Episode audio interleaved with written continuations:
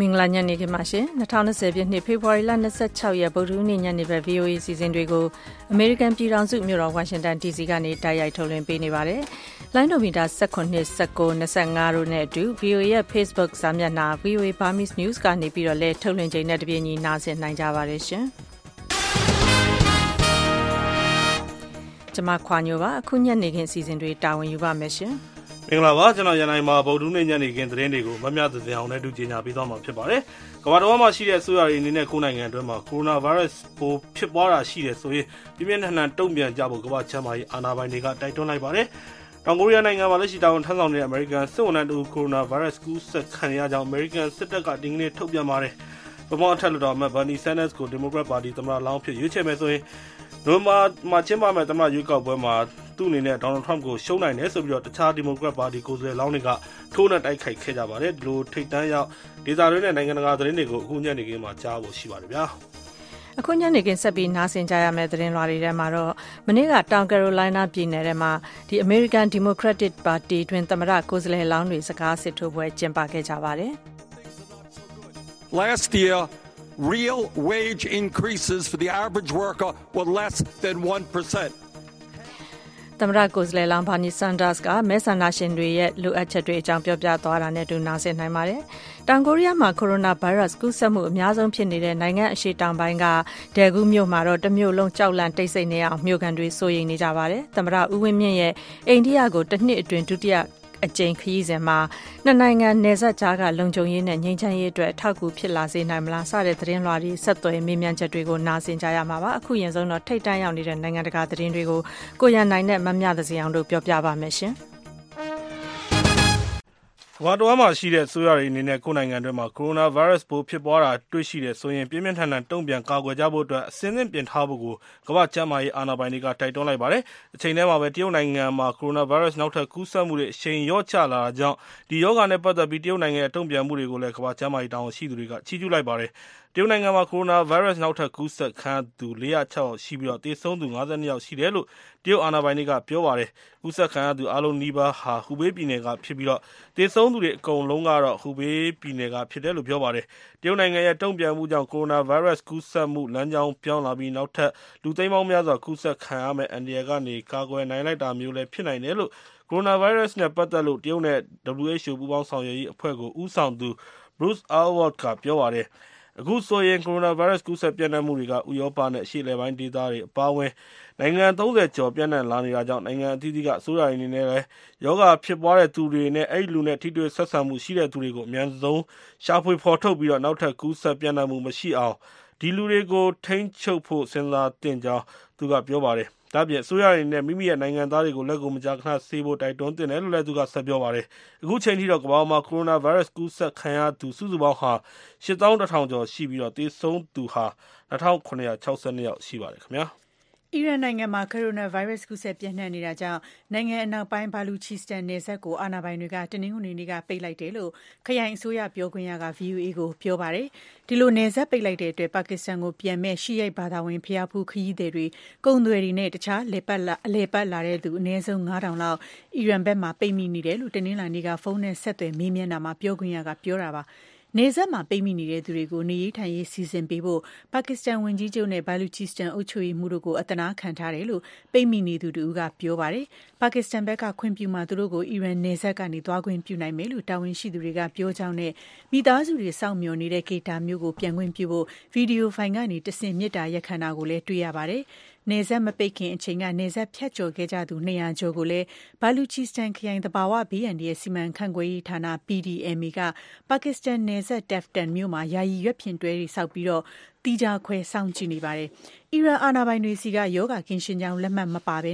နောက်ထပ် ဘယ်သူ့ကိုမှ နယ်စပ်မြို့ကနေ ဖြတ်ကျော်ခွင့်မပေးဖို့ အမိန့်ထုတ်ထားတယ်လို့ ခရိုင်အစိုးရ ပြောခွင့်ရက ပြောပါတယ်။ ရောဂါကင်းရှင်းကြောင်း လက်မှတ်နဲ့နေဆက်ဖြတ်ကျော်ခွင့်ရသူတွေကိုလည်း ယာယီစခန်းတွေမှာ14ရက် စောင့်ကြည့်သွားမှာဖြစ်တယ်လို့လည်း သူက ပြောပါတယ်ရှင်။တောင်ကိုရီးယားနိုင်ငံမှာ လက်ရှိတာဝန်ထမ်းဆောင်နေတဲ့ အမေရိကန်စစ်ဝန်ထမ်းတို့ကိုရိုနာဗိုင်းရပ်စ် ကူးစက်ခံရကြောင်း အမေရိကန်စစ်တပ်က ဒီကနေ့မှထုတ်ပြန်လိုက်ပါတယ်။တောင်ကိုရီးယားနိုင်ငံမှာ ဒီရောဂါပိုးကူးစက်မှု အများဆုံးဖြစ်နေတဲ့ ဒေဂူးမြို့အနီးက မြို့တစ်ခုမှာ အခြေစိုက်ထားတဲ့ Camp Carroll စခန်းက အသက် ၂၃ နှစ်အရွယ် စစ်ဝန်ထမ်း ကူးစက်ခံနေရကြောင်းကို ဒီကနေ့ အတည်ပြု ပြောဆိုလိုက်တာဖြစ်ပါတယ်။ဒီသီတင်းပတ် အစောပိုင်းတုန်းကလည်း ဒီစစ်အခြေစိုက်စခန်းမှာပဲ ကိုရိုနာကူးစက်ခံရသူ တဦး ရှိခဲ့တာပါ။တောင်ကိုရီးယားနိုင်ငံဟာ တရုတ်နိုင်ငံပြီးရင် ကိုရိုနာဗိုင်းရပ်စ်ကူးစက်မှု အများဆုံးရှိတဲ့နိုင်ငံ ဖြစ်ပါတယ်။လက်ရှိမှာ ကူးစက်ခံရသူ၁ထောင်ကျော်နဲ့ သေဆုံးသူ ၁၁ ယောက်ရှိကြောင်း တောင်ကိုရီးယား ရောဂါထိန်းချုပ်ရေးနဲ့ ကာကွယ်ရေးဌာနက ပြောပါတယ်။ တရုတ်နိုင်ငံအပြင်ဘက်မှာ ကိုရိုနာဗိုင်းရပ်စ်ကြောင့် ပထမဆုံးသေဆုံးမှုရှိတဲ့ ဖိလစ်ပိုင်နိုင်ငံမှာလည်း ဒီရောဂါထိန်းချုပ်ရေး အရှိန်မြှင့်လုပ်ဆောင်နေပါတယ်။ပြည်ပနိုင်ငံတွေမှာ သွားရောက်အလုပ်လုပ်ကိုင်နေတဲ့ ဖိလစ်ပိုင်နိုင်ငံသား ၂ သန်းကျော်ရှိနေပြီး ကိုရိုနာကူးစက်မှုတွေဖြစ်နေတဲ့ နိုင်ငံတွေမှာ ရောက်ရှိနေပေမယ့်လည်း အခုချိန်မှာ အိမ်ပြန်ခွင့် ခရီးသွားလာမှုတွေ ကန့်သတ်ထားတာကြောင့် အတော်များများ အိမ်ပြန်ခွင့်မရဘဲ ဖြစ်နေပါတယ်။တရုတ်နိုင်ငံမှာ စတင်ဖြစ်ပွားခဲ့တဲ့ ဒီကိုရိုနာဗိုင်းရပ်စ်ဟာ အခုဆိုရင် နိုင်ငံပေါင်း ၃၀ ကျော်မှာ ပျံ့နှံ့ဖြစ်ပွားနေတာ ဖြစ်ပါတယ်။ အမေရိကန်ပြည်ထောင်စုမှာတော့ ရောဂါထိန်းချုပ်ရေးနဲ့ ကာကွယ်ရေးဌာန (CDC) က နိုင်ငံတွင်း ကူးစက်မှုတွေ တိုးတက်လာနိုင်တဲ့အကြောင်း သတိပေးခဲ့ပြီးတဲ့နောက် ကယ်လီဖိုးနီးယားပြည်နယ် ဆန်ဖရန်စစ္စကိုမြို့မှာ အင်္ဂါနေ့က အရေးပေါ်အခြေအနေ ထုတ်ပြန်ပြီး ဒီဗိုင်းရပ်စ်ပိုး ကာကွယ်ရေး ကြိုးပမ်းနေပါတယ်။မြန်မာနိုင်ငံမှာတော့ ကူးစက်ခံရသူအဖြစ် အတည်ပြုထားတာ မရှိသေးပါဘူး။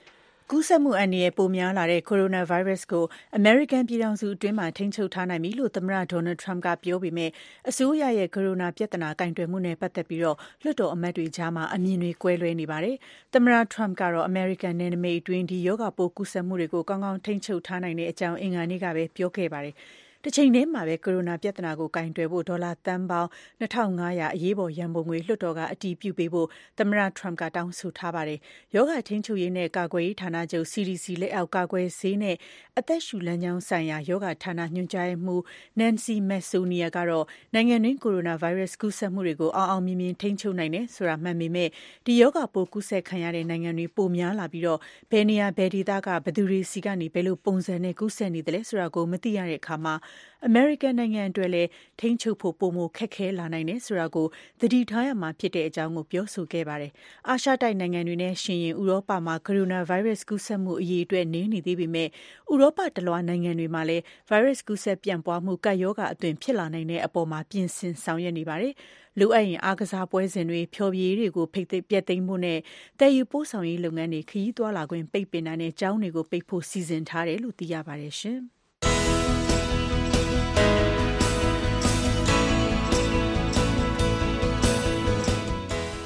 VOA အမေရိကန်အသံညနေဘက်မြန်မာဘာသာအစီအစဉ်တွေကိုညနေ၆နာရီခွဲကနေညနေ၇နာရီအထိလိုင်းဒိုမီတာ၁၇ kHz 10683ည၊လိုင်းဒိုမီတာ၁၉ kHz 15563ည၊လိုင်းဒိုမီတာ25 kHz 11965တို့ကနေထုတ်လွှင့်ပေးနေပါတယ်ခင်ဗျာ။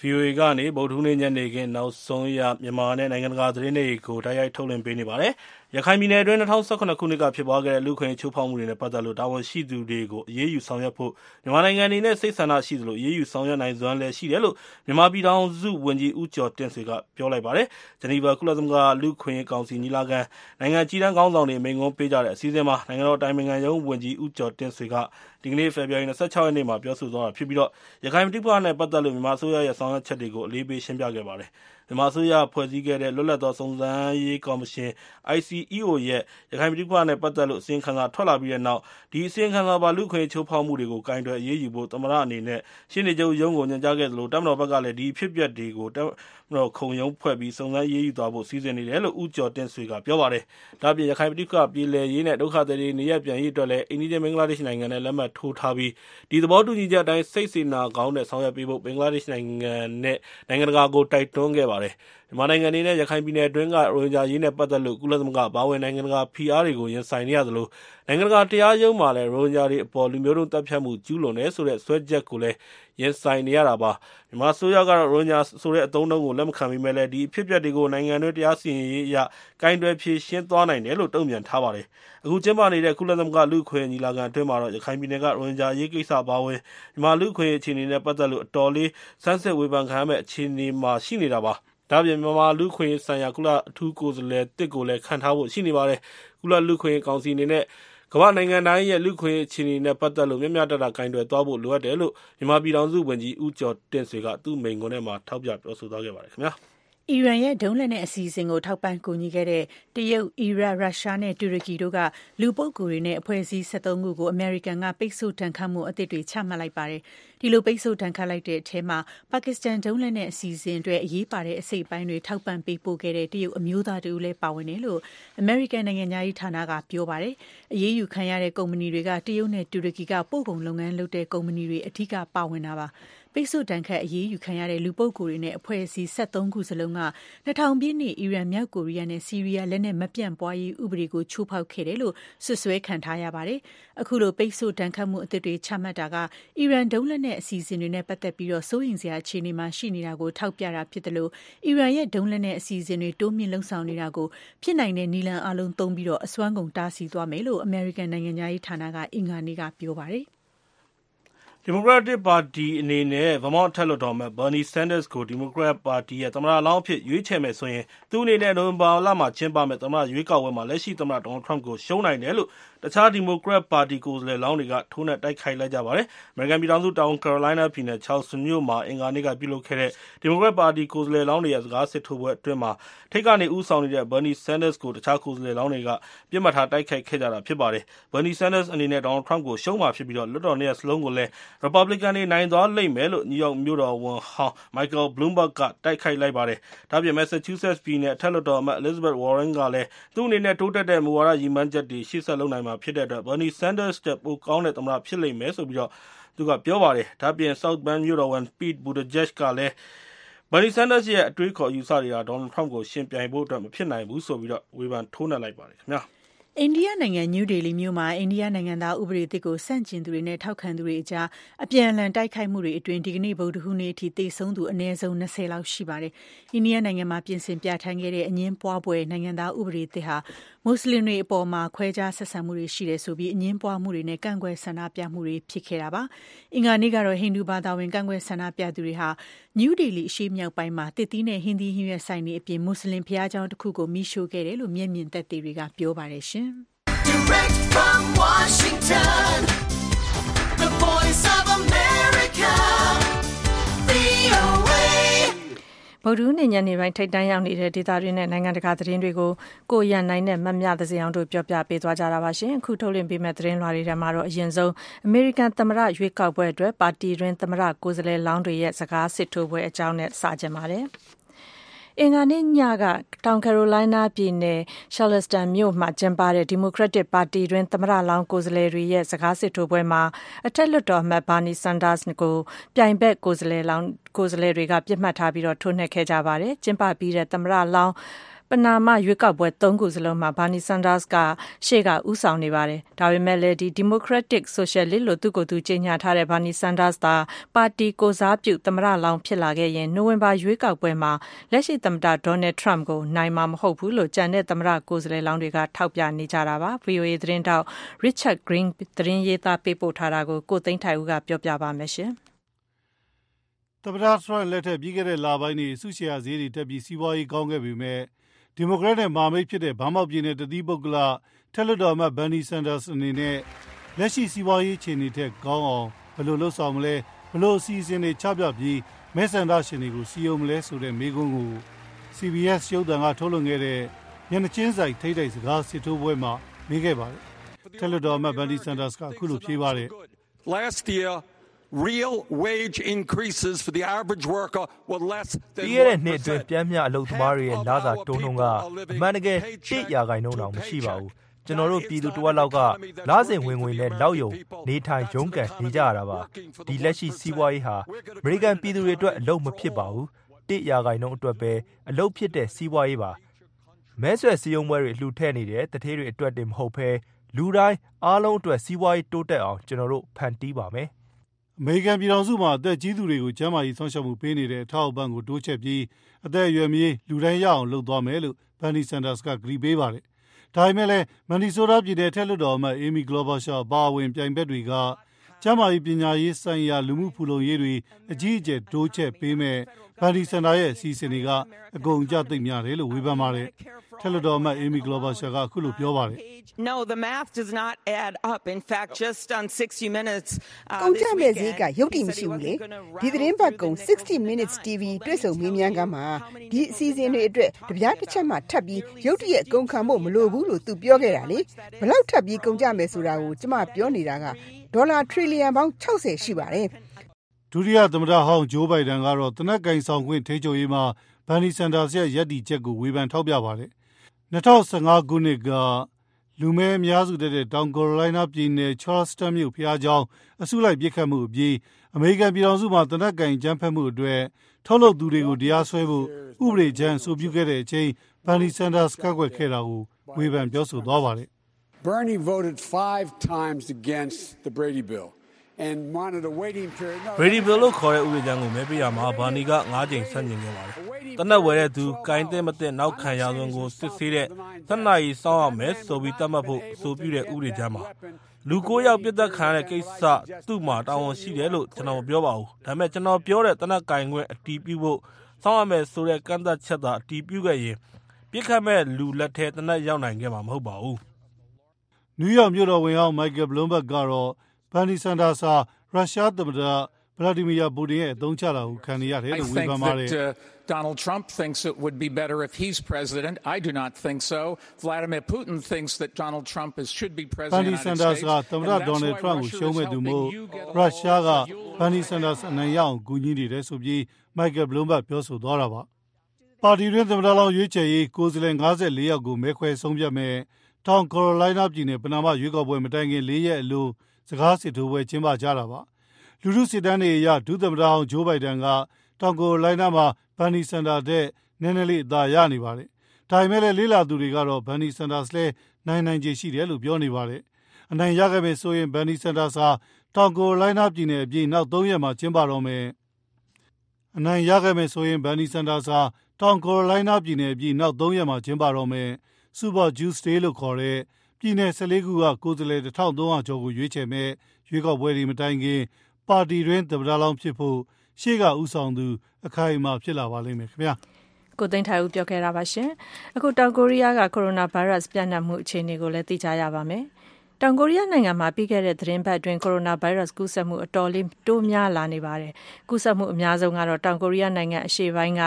ဒယ်ဂူးမြို့ ပတ်ဝန်းကျင်မှာ ဖြစ်ပါတယ်။တောင်ကိုရီးယားနိုင်ငံရဲ့ စတုတ္ထအကြီးဆုံးမြို့ဖြစ်တဲ့ အဲဒီမြို့မှာ မြို့ခံတွေကို အိမ်ထဲမှာပဲ နေကြဖို့ အာဏာပိုင်တွေက တိုက်တွန်းတာကြောင့် အခုတော့ တမြို့လုံး ကြောက်ရွံ့ တိတ်ဆိတ်နေပါတယ်။ယောဂပိုး မထိန်ချုပ်နိုင်ပဲပိုးပြီးတော့ပြန့်ပွားလာမှာကို ဒေသခံတွေ စိုးရိမ်နေကြတဲ့အကြောင်းဒယ်ဂူးမြို့ကနေပြီးတော့ VOA သတင်းတောက် Bill Gallo ရေးသားပေးပို့ထားတဲ့သတင်းလွှာကိုကိုသားညွန့်ဦးကပြောပြမှာပါရှင်။ဒေဂူမြို့ကန်တွေဟာယောဂပူအကာအကွယ်ယူဖို့နှာခေါင်းစည်းဝယ်ယူနိုင်ဖို့အတွက်မနဲ့လင်းအားကြီးကလေးကတန်းစီစောင့်ကြရပါတယ်။တကယ်တော့ချမ်းချမ်းအေးမိုးထဲမှာသူတို့အခုလိုမျိုးလိုင်းရှည်ကြီးစီပြီးတော့စောင့်နေရတာကျမကြီးအတွက်ကမသိလျော်လာပါဘူး။ဒါပေမဲ့လို့သူတို့မှာရွေးချယ်စရာလည်းမရှိဘူးလို့သူတို့ခံစားနေရပါတယ်။ဒီနှာခေါင်းစည်းဝယ်ဖို့အတွက်နာရီအတော်ကြာတန်းစီပြီးတော့စောင့်ကြရတာပါ။သူတို့အနေနဲ့ဒီလိုမျိုးတိတိငငယ်လက်လီဆိုင်လေးတွေမှာမဟုတ်ဘဲနဲ့စတိုးဆိုင်ကြီးတွေမှာသွားဝယ်ချင်တာပါ။ ဒါပေမဲ့လို့လည်းနှာခေါင်းစည်းတွေကဈေးအဆမတန်တက်ကုန်ပါပြီ။ဒါပေမဲ့လည်းဘယ်မှမှရှာမရတော့တာမလို့ရတဲ့ဈေးနဲ့ဝယ်ရမှာပဲလို့မြို့ကန်တွေကပြောပါတယ်။아무래도불안감이좀있죠ကျွန်တော်တော့အတော်လေးတုန်လှုပ်ရပါတယ်။ဒါကြောင့်မနေ့အစောကြီးတဲ့ကထွက်လာတာပါ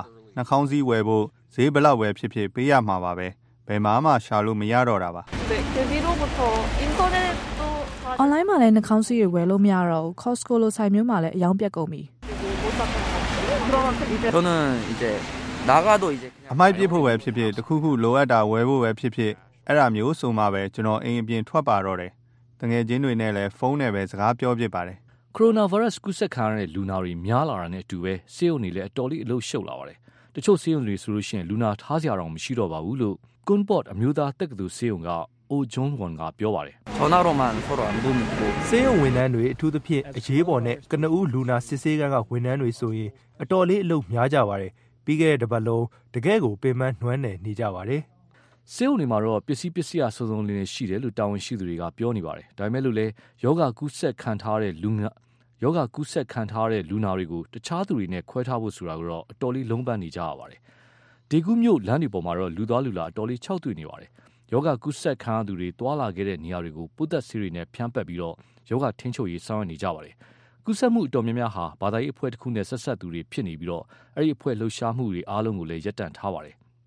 WHO ကမ္ဘာ့ကျန်းမာရေးအဖွဲ့ကြီးရဲ့အကြီးအကဲ Tedros Adhanom Ghebreyesus ကတော့တောင်ကိုရီးယားမှာအခုယောဂပြန့်ပွားမှုဟာစိုးရိမ်စရာအခြေအနေဖြစ်တယ်လို့ပြောနေပါပြီ။ The sudden increase of cases in Italy, the Islamic Republic of Iran and the Republic of Korea are deeply အီတလီအီရန်နဲ့တောင်ကိုရီးယားမှာအခုလိုယောဂကူးစက်မှုရုတ်တရက်မြင့်တက်လာတာတွေကအင်မတန်မှစိုးရိမ်စရာကောင်းပါတယ်ဒီကူးစက်ယောဂကြီးဟာကမ္ဘာကပ်ဘေးတစ်ခုဖြစ်လာနေပြီလားဆိုတာစဉ်းစားစရာဖြစ်လာနေပါပြီကမ္ဘာပေါ်ကကျန်းမာရေးဆောက်ရှောက်မှုစနစ်အကောင်းဆုံးနိုင်ငံတစ်ခုမှာတော့မှအခုလိုမျိုးယောဂပြန့်နှံ့မှုကအင်မတန်မြန်နေဆိုရင်တခြားကမ္ဘာနေရာတွေမှာဖြစ်လာရင်တော့မတွေးဝင်အောင်စိုးရင်စရာဖြစ်နေပါတယ်ခင်ဗျာ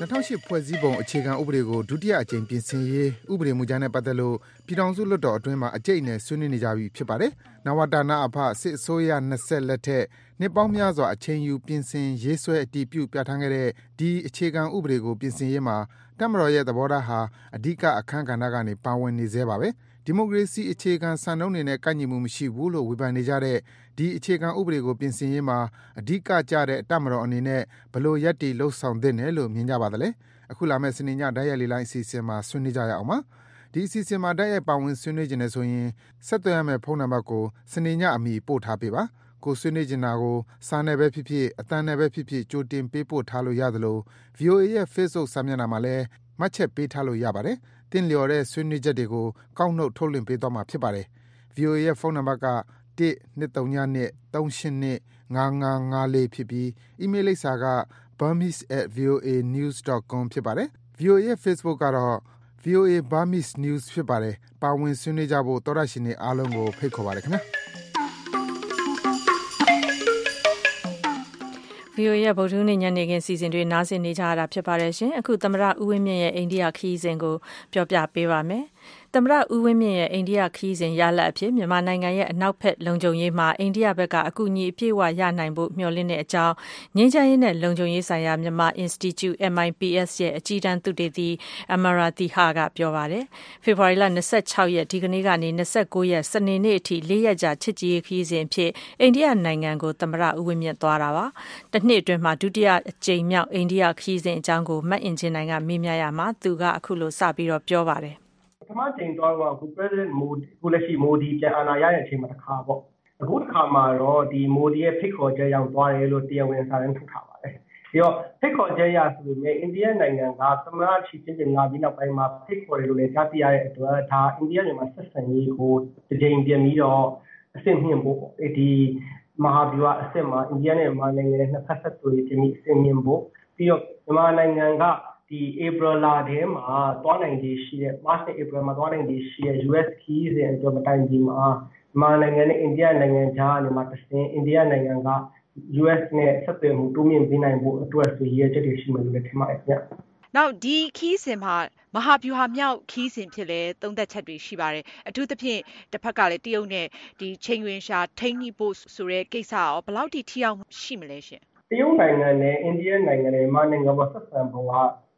မတူညီမှုမရှိဘူးပေါ့ဥပမာတရုတ်နိုင်ငံကမြန်မာနိုင်ငံနဲ့ဆက်ဆံတဲ့အခါမှာသူစီးပွားရေးကိုအခြေခံတဲ့ဒီရင်းနှီးမြှုပ်နှံမှုတွေပြီးတော့ဒီနယ်စပ်တစ်လျှောက်မှာရှိတဲ့အုပ်ချုပ်မှုအင်အားစုတွေနဲ့ဒီတဆင့်ခံပြီးဆက်သွယ်မှုတွေကြောင့်တရုတ်နိုင်ငံနဲ့မြန်မာနိုင်ငံဆက်သွယ်မှုပုံစံတစ်မျိုးပေါ့အိန္ဒိယနိုင်ငံနဲ့ကြတော့မြန်မာနိုင်ငံကုန်သွယ်မှုအလောက်မရှိဘူးဒါပေမဲ့အိန္ဒိယနိုင်ငံနဲ့မြန်မာနိုင်ငံကြားမှာ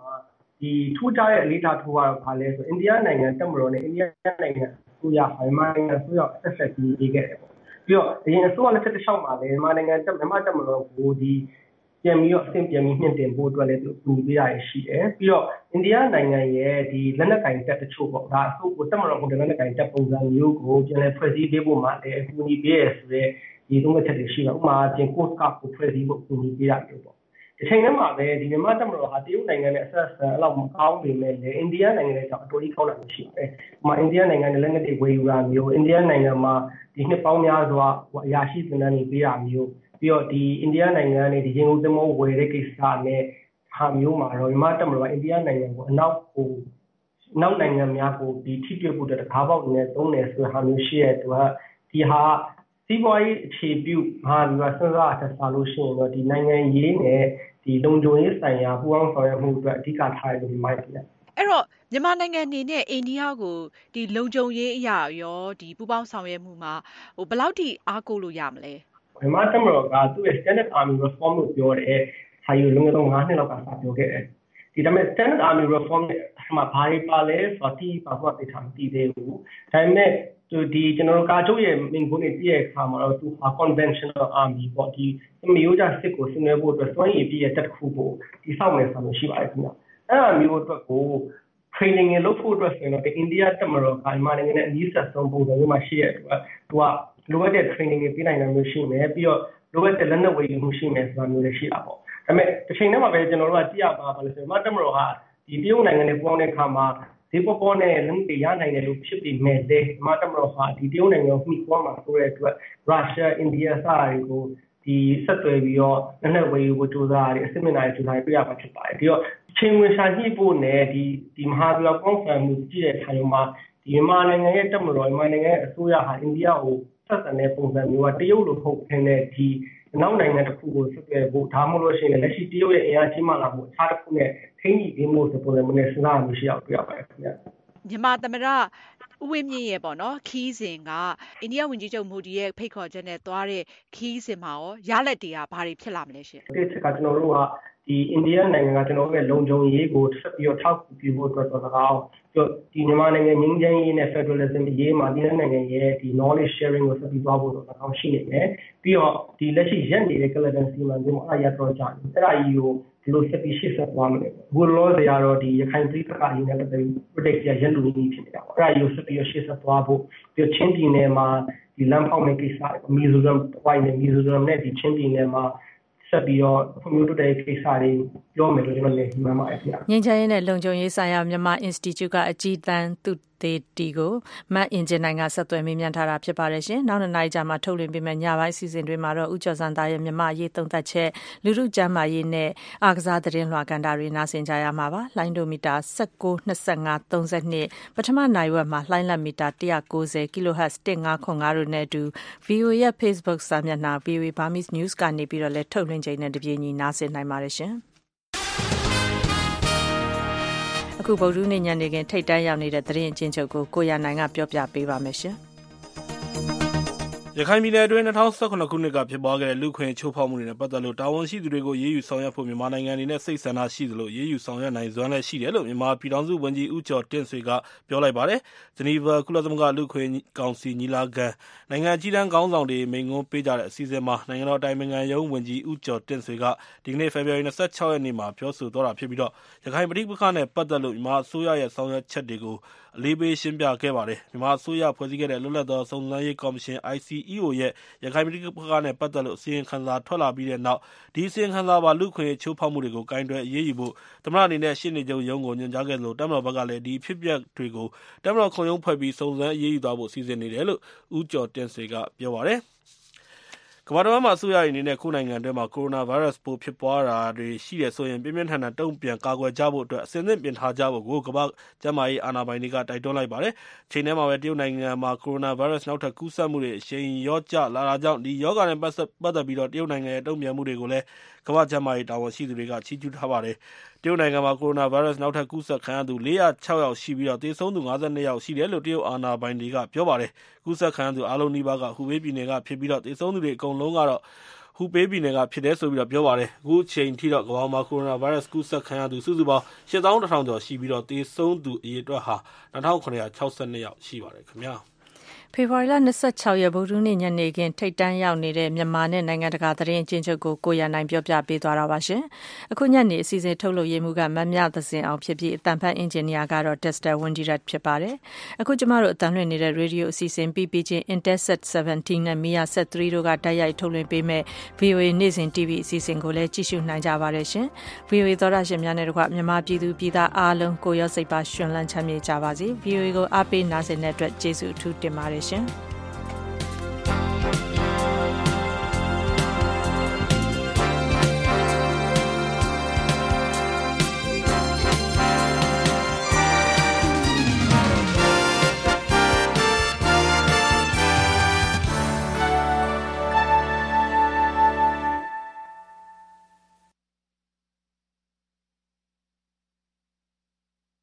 This program has come to you from the Voice of America, Washington.